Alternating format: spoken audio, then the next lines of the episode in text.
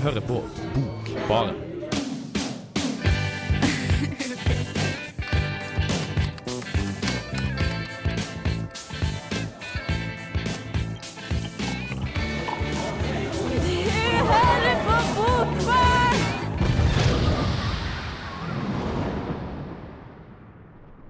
Der!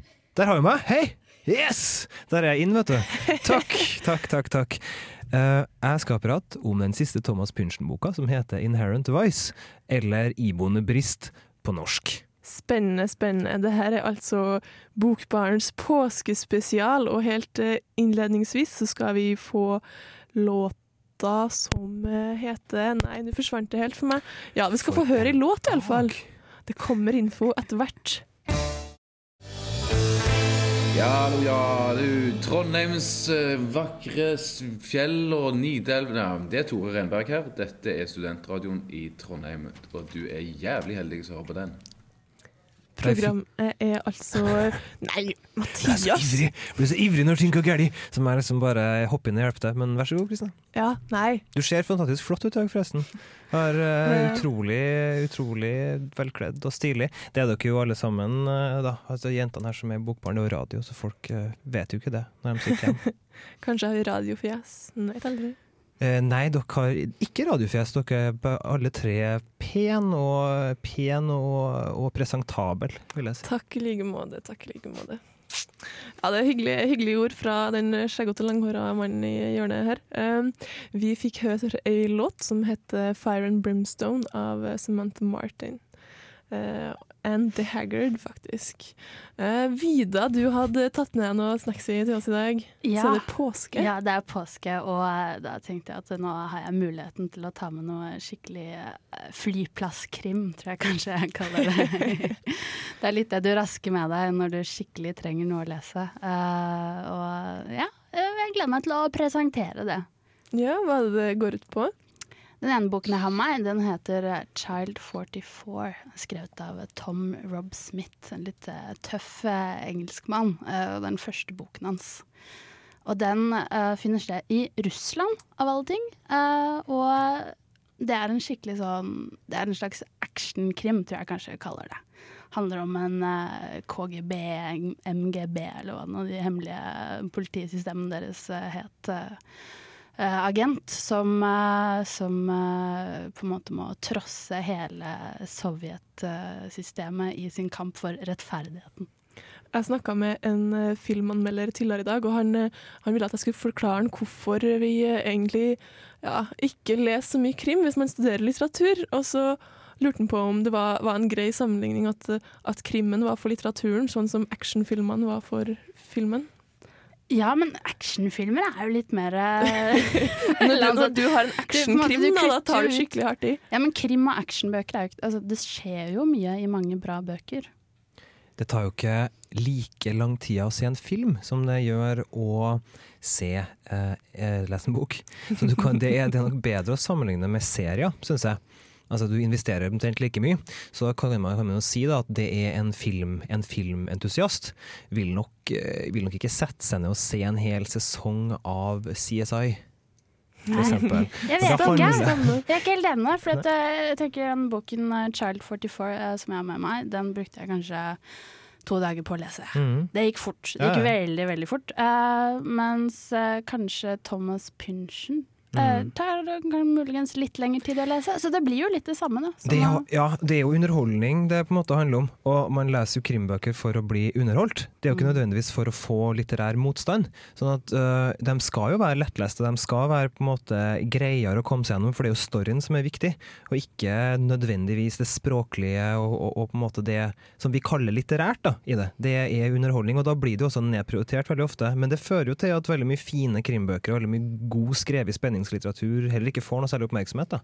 Så det er jo litt sånn eh, to sider ved dette her. Mange, mange sier jo at de ikke liker krim, og så vet de ikke hva de snakker om overhodet. Nei, men eh, boka du har med deg, Vida Ja, det er litt morsomt, for det er eh, absolutt en god story, men den er kanskje ikke skrevet uh, så veldig bra. Den storyen den utspiller seg liksom rundt eh, drap som skjer langs togskinner. Så hovedpersonen han må reise rundt i hele Russland, så det er sånn tsk, tsk, tsk, Det går liksom barover. Det er utrolig banalt, men eh, det funker, da. Jeg syns det, det er en eh, bra krim. Hvor fant du fant den her, da? Ja, hvor gjorde jeg det? Mulig jeg fant den hjemme, tror jeg. Ok, men jeg tenker sånn, for at det Er også en sak om du, er du en krimleser sånn til vanlig? Nei, jeg tror Eller er jeg det? Altså, det som er meg, er at eh, jeg syns at krimbøker er så skumle at jeg holder på å dø. Mm. Altså, jeg er typen som blir redd av å se på Mjarte på Rettsstaden på lørdagskvelden. Når de utrolig skumle landsbytyvene kommer der, så må jeg på en måte gjemme meg bak puta. Men plutselig så fikk jeg sånn der krimoppvåkning da, eh, for et år siden kanskje, og jeg fant at det er greia. Går du inn i bokhandler og ser eh, på krimbøker, liksom? At du, du går inn og så ser du hva har jeg lest, hva har jeg ikke lest. Det er så spennende ut. Her er et omslag med, noe, med et dødninghode på. Er det Jeg vet ikke hva slags eh, parallell kan jeg kjøre på det der. Det er kanskje som den første pornoen du, du leser som gutt. Det eh, det er kanskje det du finner under eh, puta til pappa, ikke det du oh, ja. går i butikken og leter etter. For det er i hvert fall sånn, eh, krim? sånn det skjedde med meg, da. Hvordan jeg kom inn i krimmen. Er det såpass skamfullt at du på en måte føler at du må sammenligne med Herregud. Men uh, Mathias, du kan jo si litt om det her. Du har jo en eh, master i allmennlitteraturvitenskap. litteraturvitenskap. Hvordan, hvordan, eh, hvordan ser man på krim sånn i, i litteraturverden? Jeg tror ikke det er noe Altså, jeg tror det er litt lompent å skjære all krim over en kam. uh, men hva som jeg sier, så tror jeg at det handler mye om at folk ikke vet hva det dreier seg om. Men særlig den her skandinaviske politiromanen som vi er veldig vant til, da, den er ikke særlig godt skrevet. Altså, er, altså, krim har gjerne en e egen, egen på måte, diskurs, og den diskursen ligger, ligger nærmere på en måte en sånn folkelig tone da, enn en hva, en hva den mer sånn eh, hva den mer smale litteraturen gjør. Så det handler rett og slett om smalt og bredt. Det er ikke noe verre enn det. altså. Og, og, og krim er veldig bredt. Akkurat eh, det som du sa her nå, jeg skulle til å si det sjøl, at eh, det har på en måte åpna litt opp for meg. Da, for at, eh, som du sier, den der folkelige krimmen med en detektiv som gjerne er ja, alkoholisert og det her, det er veldig standard. Men eh, sånn som etter jeg har lest eh, Edgar Allan Poe, eksempel, så har jeg jo forstått at krim er veldig mye mer, da. Og du har den her intellektuelle krimmen for eksempel, som har slått an veldig mye med Sherlock Holmes og alt det her i det siste. Mm. Det er jo en, altså den her gamle krimtradisjonen. Altså, krim har jo ikke, altså, du, du, du, Romanen har jo hatt et veldig dårlig rykte i 200 år. omtrent. Det er jo det, først de siste 50 årene at romanen har blitt på en måte heva opp som å være den eh, fremste og øverste litterære sjangeren. Eh, På 1800-tallet så var det jo eh, kvinnelitteratur, rett og slett. Mm. Og også krimbøkene var på en måte en naturlig Ble ikke sett på noe annerledes i dem enn hva Jane Austen ble sett på, eller, på en måte en, eller Flaubert for den del. Altså det er på en måte en helt sånn Det var akkurat det samme for, for, folk på 1800-tallet, stort sett. Så, det, så altså kvalitet i litteratur har mye, mye med sånn hvem, hvem som definerer hva vi hva vi, hva vi skal like da, og ikke. Men selvfølgelig finnes det objektive forskjeller. Og Poe er jo et godt eksempel på godt skrevet krim. ikke sant? Conan Doyle, som skrev Sherlock Holmes-bøkene, er et annet eksempel. Graham Greene, eh, ikke sant? Eh, Raymond Carver. Uh, Dashiell Hammett. Altså, denne type ting. Og ikke minst den Thomas Pynchon-boka som jeg har med meg, det er også krim. Så det, det finnes selvfølgelig representanter for veldig sterk språklig krim også. Mm. Men det var det, den krimmen man ser for seg sånn automatisk når, ja, folk flest ser for seg når man sier eh, krim, er jo kanskje ikke akkurat den smaleste, beste krimmen. Nei, det tror jeg er politiromanen veldig ofte. Ja, ikke sant? Harry Hole osv. Ja. Ja. men jeg tenker at det handler litt om måte, frykten for å, for å sette seg selv i bås også som forfatter. Da. At, eh, hvis du har skrevet en utrolig spennende roman om en politimann, men, eh, men er redd for å falle inn under krimsjangeren, så, så oppstår det et slags problem. Da. Mm, det er helt klart, og forlagene har jo lyst til å lansere det som krim på mange måter, så du får også en form for problem der. Eh, Stig Sæterbakken sin siste, nest siste roman er jo i, per definisjon en krimroman, ikke sant? Eh, Men ble ikke solgt som det utgangspunktet fra forlaget. Da kaller de det heller en spenningsroman. Jeg tror kanskje forlaget hadde litt lyst til å kalle det krim. Altså. Det hadde vært helt fantastisk. bedre, ja, altså, ja. Men hadde jeg solgt til rett folk? Sånn ifølge Thomas Nei, i, for, i forhold eh, ifølge forfatteren? Det spørs, da. Men med et sånt stort publikum som Stig Sæterbakken har, så er det jo på en måte ikke umulig. Han kunne på en måte ha vært en, vært en, vært en overgangsfigur. Men det er ingen, det er ingen, som trenger å redde krimsjangeren. Herregud, krimforfattere lever forbanna godt. og De er, de, er ikke noe misfornøyd sjøl. Så det er bare en sånn kunstig debatt. De har det kjempefint. Så det er ikke noe masse sant. filmrettigheter og alt sånt. der. Men kanskje man kunne redde noen stakkars eh, unge norske lovende forfattere ved å kalle bøkene podkasten deres, Krim. Jeg tror Det det var sant, ja. Jon Fosse som hadde sagt det at, eh, at det, det var ingen som kunne være lykkelig og skape god kunst. Men han tenkte at krimforfattere, de var sikkert lykkelige. Så han, Det var godt sagt, syns jeg. Siste boken hans handler jo om et drap. Ja, den, eh, dem er jo, de to siste bøkene til, til Fosse er jo ganske spennende, egentlig. Så det. Men eh, hva var det boka di het, eh, Ida? Når kom den? Den heter eh, Child 44. Akkurat nå så husker jeg ikke når den kom. Det jeg vet er at det er den første av tre bøker som handler om samme hovedperson. Og jeg har ikke lest de to andre. Men det er en sånn krim hvor man ikke på en måte gulper i seg alle bøkene med en gang, men jeg har fortsatt lyst til å lese de to andre. Så jeg anbefaler den første. Kanskje lese de to andre også. Mm. Vi skal snakke mer om eh, litteratur Vida har lest etter at vi har hørt ei låt. Den eh, het eh, 'Fits Against The Country' eh, fra bandet Horse Feathers. Det her var 'Fits Against The Country'. eh, og eh, Vida, du har jo eh, tatt med deg enda ei bok som vi skal få høre masse spennende om. Det har jeg. Eh, Det er en eh, litt annerledes krimbok eh, enn Child 44, eh, for den er mens Child 44 er litt sånn på tog og på tur og sånn, så er denne boken helt sånn stillestående og dritekkel. Eh, Du tålte å lese det? eller? Nei, nei, jeg gjorde jo selvfølgelig ikke det. Jeg fikk masse mareritt og sånn. Nei da.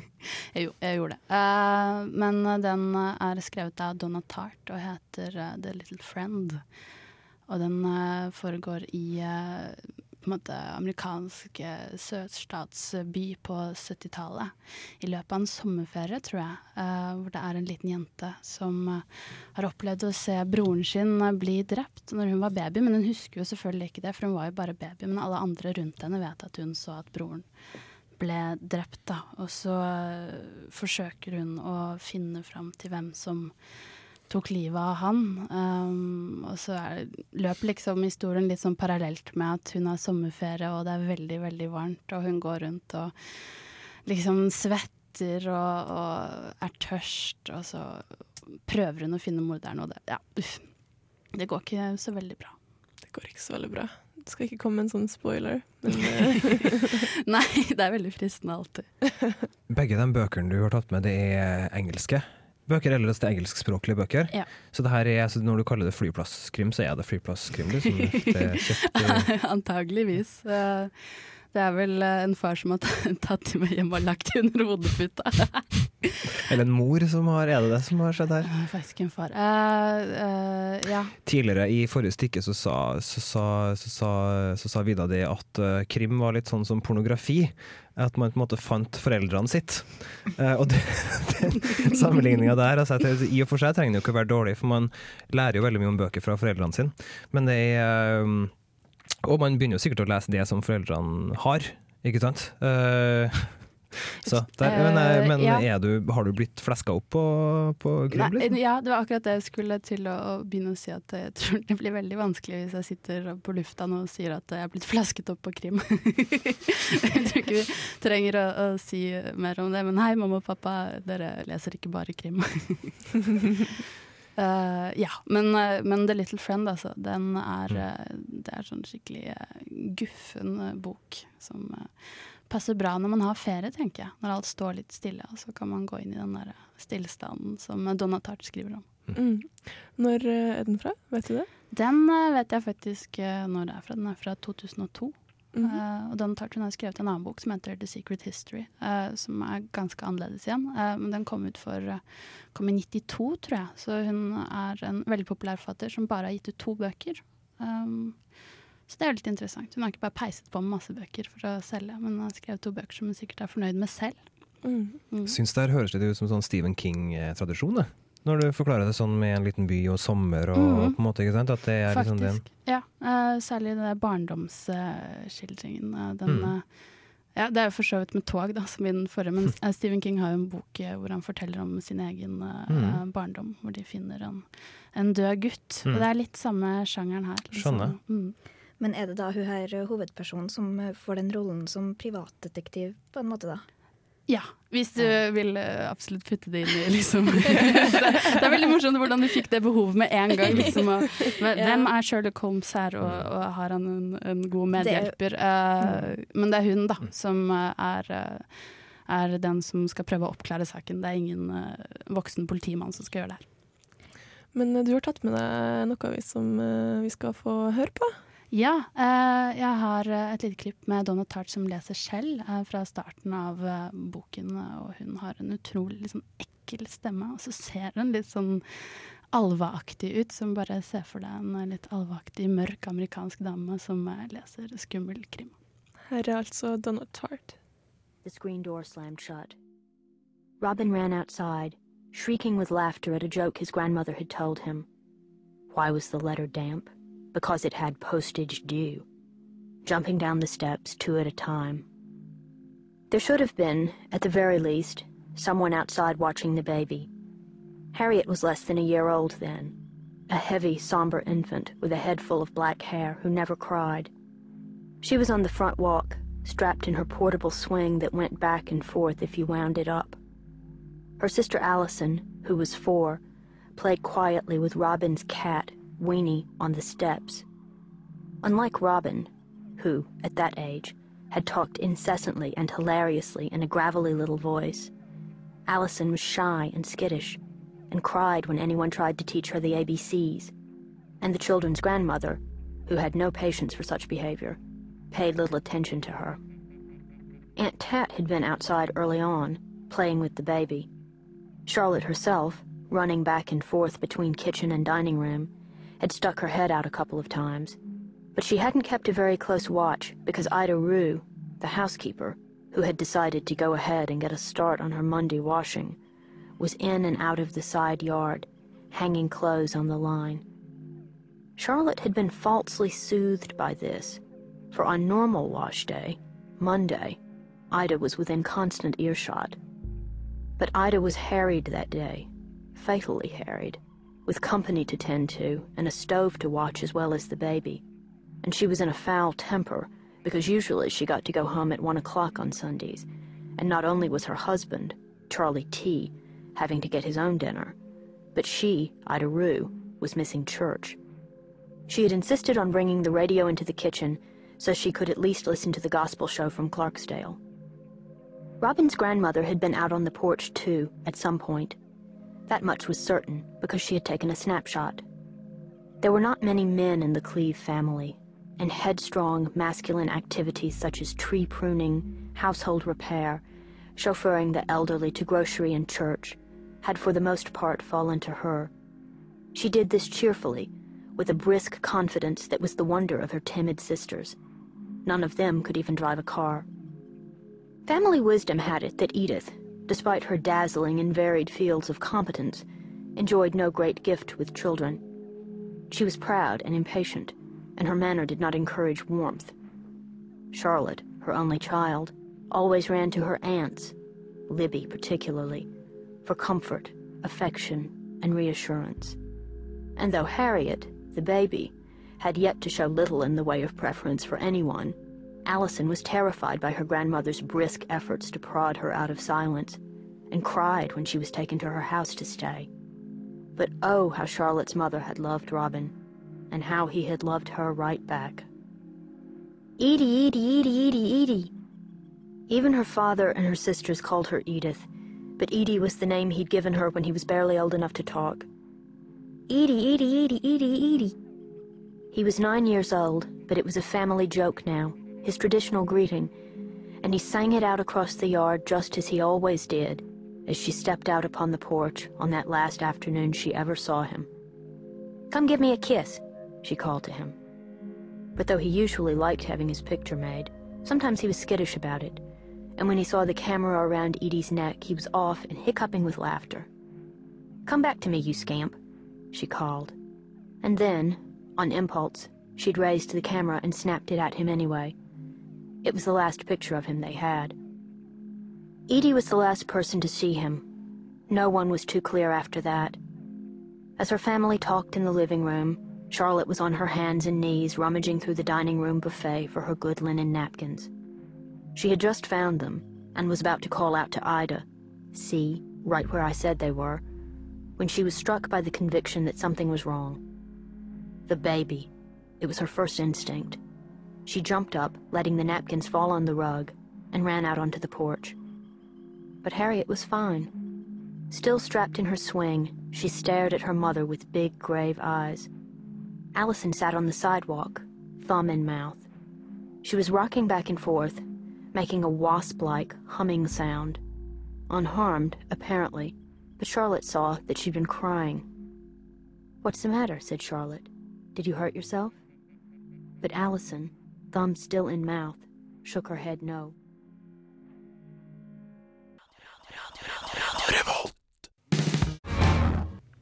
Decode the Glow her, altså. Det er Seid med Stina Stjern.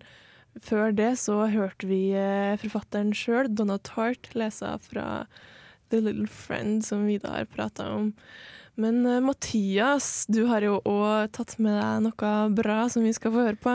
Det har jeg gjort, vet du. Jeg har, vi har aldri før i Bokbaren hatt noen anmeldelse av, av Thomas Pynchon. Og det syns jeg jo vi burde ha hatt på mange måter. Det har jo noe med at bøkene er veldig lange og kronglete.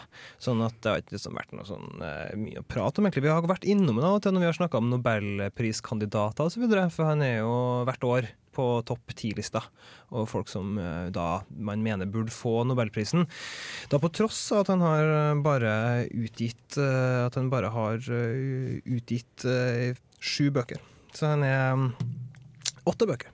Så han er en, nov novellesamling, da, og så resten romaner. Så han er eh, veldig lite, veldig lite produktiv forfatter, og en veldig sky forfatter. Men altså, sånn som han selv sier, da, så sier han at, e at einstøing er bare et ord som journalister har funnet opp for dem som, eh, altså for forfattere som ikke har lyst til å snakke med dem. Sånn at uh, han, han, lever jo et helt, helt, greit liv, bare at han ikke prater med journalister. Så det er uh, han er, derfor får han litt, det blir han litt hemmelighetsfull da, på mange måter. Men den boka jeg har, skal, skal fortelle dere litt om, den heter 'Inherent Voice'. eller da 'Iboende brist' på norsk. Du kan få den på norsk oversatt, oversatt av Preben Jordal. Men og den oversettelsen skal være OK, den, altså. Men jeg ville ha foretrukket å lese den på engelsk pga. at det er så mye eh, sosiolekter og så mye på en måte sånn, sånn det, er så, det, er så, mye sånn prating av en så stor del av det. da. Den her eh, utspiller seg på 70, altså i 1970 på, i, i, Los Angeles, på stranda, rett og slett, på mange måter. Hvor det er privatdetektiven Larry Sportello, eller Doc som han blir kalt. Han er 29 år gammel. Uh, og han får et Altså, han blir oppsøkt en dag av ekskjæresten sin, som heter Shasta Faye Hepworth, som har rota seg Som har rota seg inn i noe trøbbel med en eldre mann, og, og så videre, da. Og så forsvinner Shasta. Og, og, da må dere ut og på en måte, på en måte eh, lete opp og, og, og etterforske. Da. Eh, og, da, og, da, kommer han stadig vekk eh, over spor da, som leder mot et sånt eh, måte syndikat som heter Golden Fang. Og det her, det her, høres jo ganske greit ut, ikke sant? Det er en ganske sånn straight, sånn hardboiled noir-fortelling. Men problemet her er at uh, Doc, altså uh, Larry Sportello, privatdetektiven, er et potthue. Sånn at han gjennom hele romanen så røyker han, og røyker og røyker. Og røyker. Uh, og det her er jo på en måte hemmer jo en del av på en måte, både minnet hans og en del av på en måte fremgangs... Um, fremgangen i saken, rett og slett. Um, så han er en litt sånn, en litt sånn spesiell uh, privatdetektiv på, den, på den måten. Det her er jo også i 1970, rett etter at Manson-familien har eh, blitt tatt, da. Og rettssaken skal begynne. Sånn at man er Hippier har ikke noen sånn høy stjerne i USA akkurat rundt det her tidspunktet. Så det er på en måte bakteppet. Det er en veldig spennende bok, og den er kanskje den letteste av Thomas Pynchon-bøkene å lese, rett og slett. Um, Uh, altså han, du kan si, altså Den er i hvert fall lettere enn Mason and Dixie og Against the Day osv. Men uh, jeg kan også anbefale The Crying of Lot uh, 49 som kom i, kom i 1966, som også er litt sånn spenningsroman. Men det vi skal få høre nå, det er Thomas Pynchen som selv leser. Det er ganske spesielt, det har ikke han gjort noen gang ever. Det fins bare ett bilde av denne mannen. Det var fra han gikk på high school. Så her er det altså Thomas Pynchen som leser fra Inherent Vice selv, altså.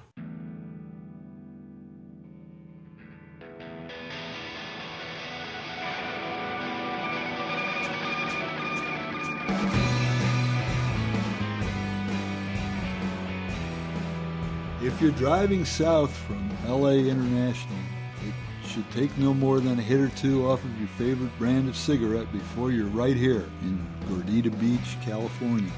Well, no, actually, this used to be the beach. Later on, all this is going to go high rise, high rent, high intensity. But right now, back in 1970, what it is is just high. An ounce of Mexican commercial should run you no more than $10. And that's with the seeds and stems, of course. The neighbors here run mostly to surfers and dopers and stewardesses, or more correctly, I guess, steward I. Live in Gordita because it's close to the airport. Tend to hang out between flights and the bars up and down the street. So pretty much every night here is party night. Oh, my name, uh, my name's Doc, and I'm a private gumshoe. Nowadays, more like gum sandal. I used to work the traditional Hollywood type of PI gig, setting up drug busts for parties and divorce cases, or helping the cops out with their many shakedown schemes and so forth. But since I moved out here to the beach, I've been more into the smaller tickets. Less karmic hassle, less guilt tripping, which doesn't bring in that much money, sometimes none at all.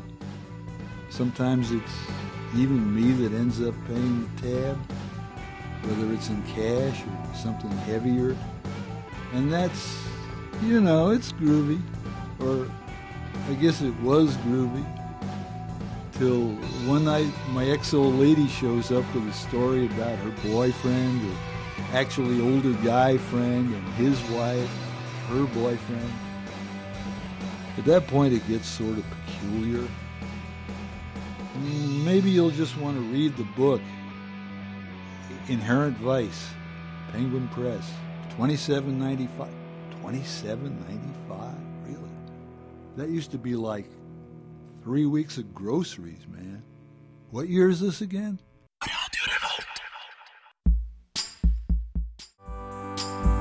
This is Alan Moore, and you're listening to The Book Bar. Låta var Advanced Bass Summer Music.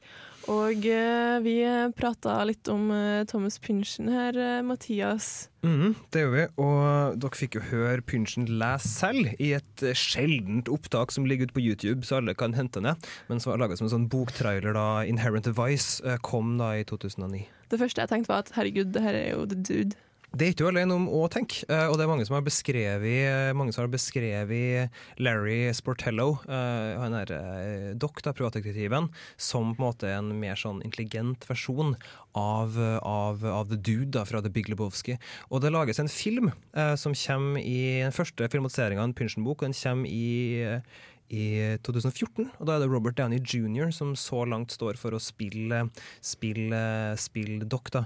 Problemet er jo at Doc er 29, og at, eh, og at han godeste Robert Downey jr. er 60 år gammel. Men han har jo også, også spilt eh, Sherlock Holmes. Det har han så også gjort, jo så fint. detektivgreier òg. Men jeg tenker at det er ikke så gærent når på en måte Johnny Depp kan spille Paul Kempf, altså en 23 år eh, gammel Hunter S. Thompson, så kan kanskje Robert Downey jr. spille en 29-årig Doc Sportello også. Vi skal bevege oss eh, enda lenger tilbake i tid. Eline, du har tatt med deg skikkelig klassiker. Ja, vet du, det har jeg. Eh, Det er en bok fra Collins eh, Classics, som, som tittelen sier, da, gir ut klassikere. Og denne gangen så er det Edgar Allan Poe, og boka heter Tales of Mystery and Imagination. Så her er det masse godbiter. Mhm. Har du lyst til å se litt om eh, hvordan den bygde opp? Det her er små fortellingene ikke det? Ja, eh, det er ikke noe dikt av Poe, men det er de mest eh, kjente novellene, da. Eh, Alt ifra korte sånn tresiders til 20-siders noveller. Veldig, veldig lett å, å lese, egentlig. Mhm. Vi skal høre hva Eline har eh, sagt om det. True. Nervous. Very, very dreadfully nervous I had been and am. But why will you say that I am mad? The disease had sharpened my senses, not destroyed, not dulled them. Above all was the sense of hearing acute. I heard all things in the heaven and in the earth. I heard many things in hell. How then am I mad? Hearken and observe how healthily, how calmly I can tell you the whole story. Det er påske. Det er tid for krim. Mange av oss bruker store deler av påska til å sitte nedgravd iblant puter og pledd, mens vi mesker oss i de mest brutale mord og mysterier. Dess mørkere, nifsere og mer spennende, jo bedre. Hva er vel da bedre enn å lese en av de gotiske litteraturens mestere, Edgar Allan Poe? Ikke bare er fortellingene hans prega av mørke og dysterhet, forfatterens eget liv var heller ingen dans på rosa. Som barn fikk han oppleve at faren stakk fra familien, og at mora døde ikke lenge etterpå. Poe ble deretter tatt inn i en fosterfamilie han ikke trivdes blant. I 1835 gifta han seg i hemmelighet med sin 13 år gamle kusine, men da hun senere døde av tuberkulose, gikk det stadig nedover med Poe, før han sjøl døde i 1849 under mystiske omstendigheter, som mange mener var et resultat av en overdose av narkotiske stoffer. Poes fortellinger sentrerer seg ofte rundt det makabre, det groteske og det skrekkenytende, men også med et tydelig fokus på det menneskelige, og da gjerne sinnslidelser, vrangforestillinger og irrasjonelle handlinger. Ofte, som i The Telltale Heart og The Black Cat, blir morderen avslørt av menneskelige svakheter som overmot.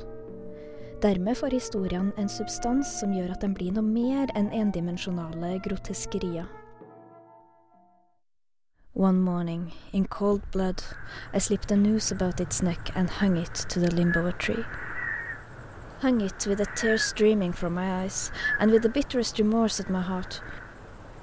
Hung it because I knew that it had loved me, and because I felt that it had given me no reason of offense. Hang it, because I knew that in so doing I was committing a sin, a deadly sin that would so jeopardize my immortal soul as to place it, if such a thing were possible, even beyond the reach of the infinite mercy of the most merciful and most terrible God. I historier som The Murders in the Rue Morgue og The Gold Bug ser vi et mønster der mysterier blir oppklart ved hjelp av logisk tenkning og fremragende intellekt, noe som i senere tid har blitt et kjærkomment element i mange krimhistorier, som f.eks. i Hercule Poirot og Sherlock Holmes. Vi ser dermed en slags kontrast mellom den skarpsindige, logiske og fatta delen av Poes fortellinger og hans flørt med død, utslettelse og galskap. Dette skaper et variert landskap, og hans livaktige fortellermåte gjør at novellene absolutt er verdt tida di i påskeferien.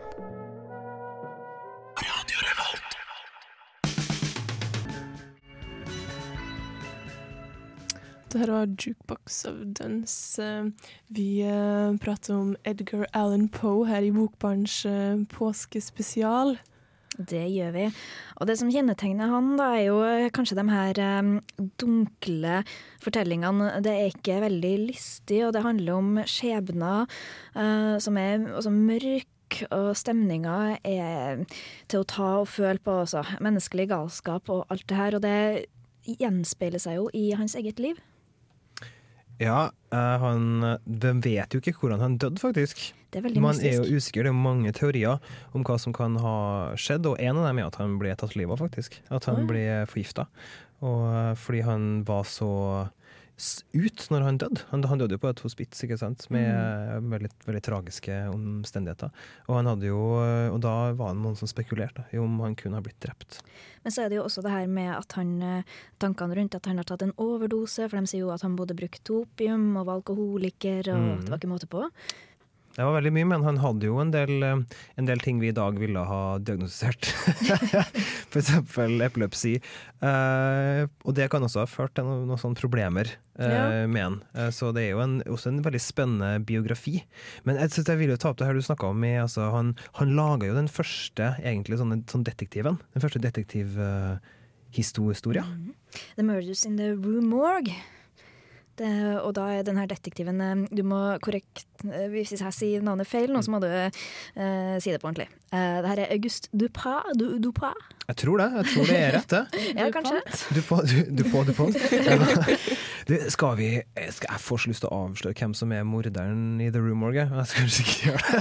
Det er veldig bra, skjønner du. Det er veldig bra, for det, altså, man, man forventer det virkelig ikke. Det er en, eh, det en, og den er jo ikke så lang heller, for så vidt. Men det som er litt artig, da, er jo eh, Han eh, hadde jo sikkert masse sånn psykiske lidelser, han Poe.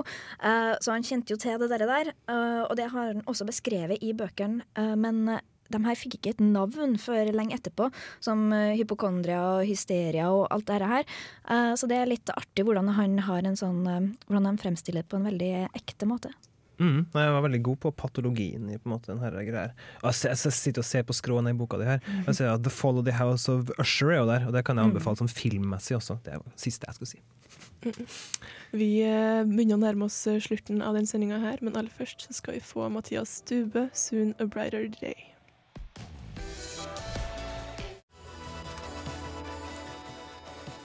Mathias Stubbe her, altså.